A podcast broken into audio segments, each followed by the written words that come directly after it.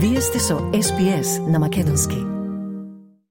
Ебони Вотсон работи со скратено работно време во социјално предпријатие и се опишува себе си гордо како независна личност.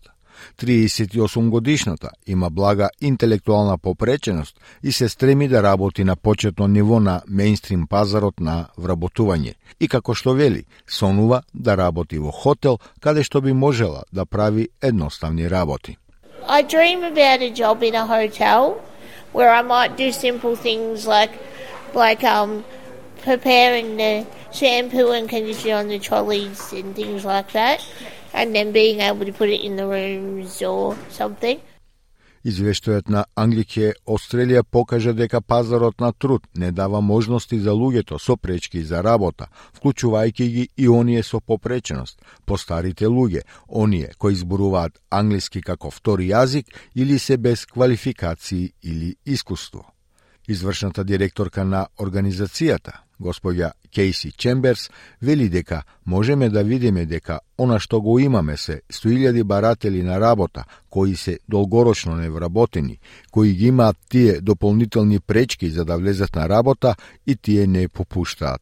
Нашите системи не работат за нив, вели господја Чемберс и додава дека за секое слободно работно место на почетно ниво има 15 апликанти, а речеси 20 од нив се соочуваат со бариери за вработување. We can see that what what we've got is 100,000 job seekers who are long term unemployed, who have those extra barriers to getting into work, and they are not budging. Our systems are not working for them. The job market is failing them. Ситуацијата е најстрашна во Тасманија, каде што 36 луѓе кои бараат прва работа, при што речеси 6, односно 5,5 имаат пречки за работа. Господја Чемберс вели дека ни треба индивидуалните работодавци да разгледаат дали на вистина им треба нивото на сложеност за кои тие зборуваат или дали можат да создадат некои работни места на почетно ниво. We need individual employers to be looking at whether they really need the level of complexity that they're talking about or whether they can create some entry level jobs so people can get that foot in on the ladder. Ability Works обезбедува подршка и вработување на лицата со попреченост.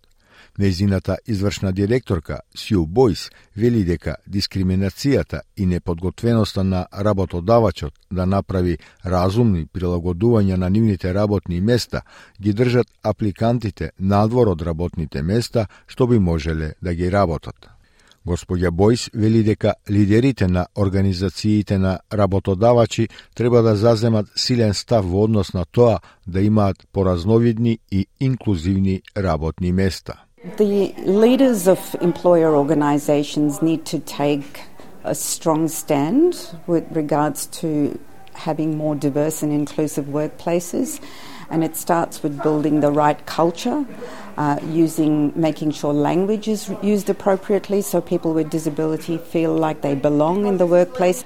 НГК Австралија ја повикува федералната влада да ги промени услугите за вработување и да инвестира во програми за создавање работни места кои нудат патишта за луѓето со пречки за вработување.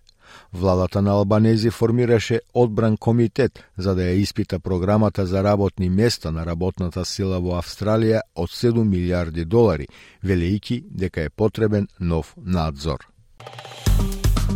Стиснете, ми се допаѓа, споделете, коментирајте. Следете ја SPS на Македонски на Facebook.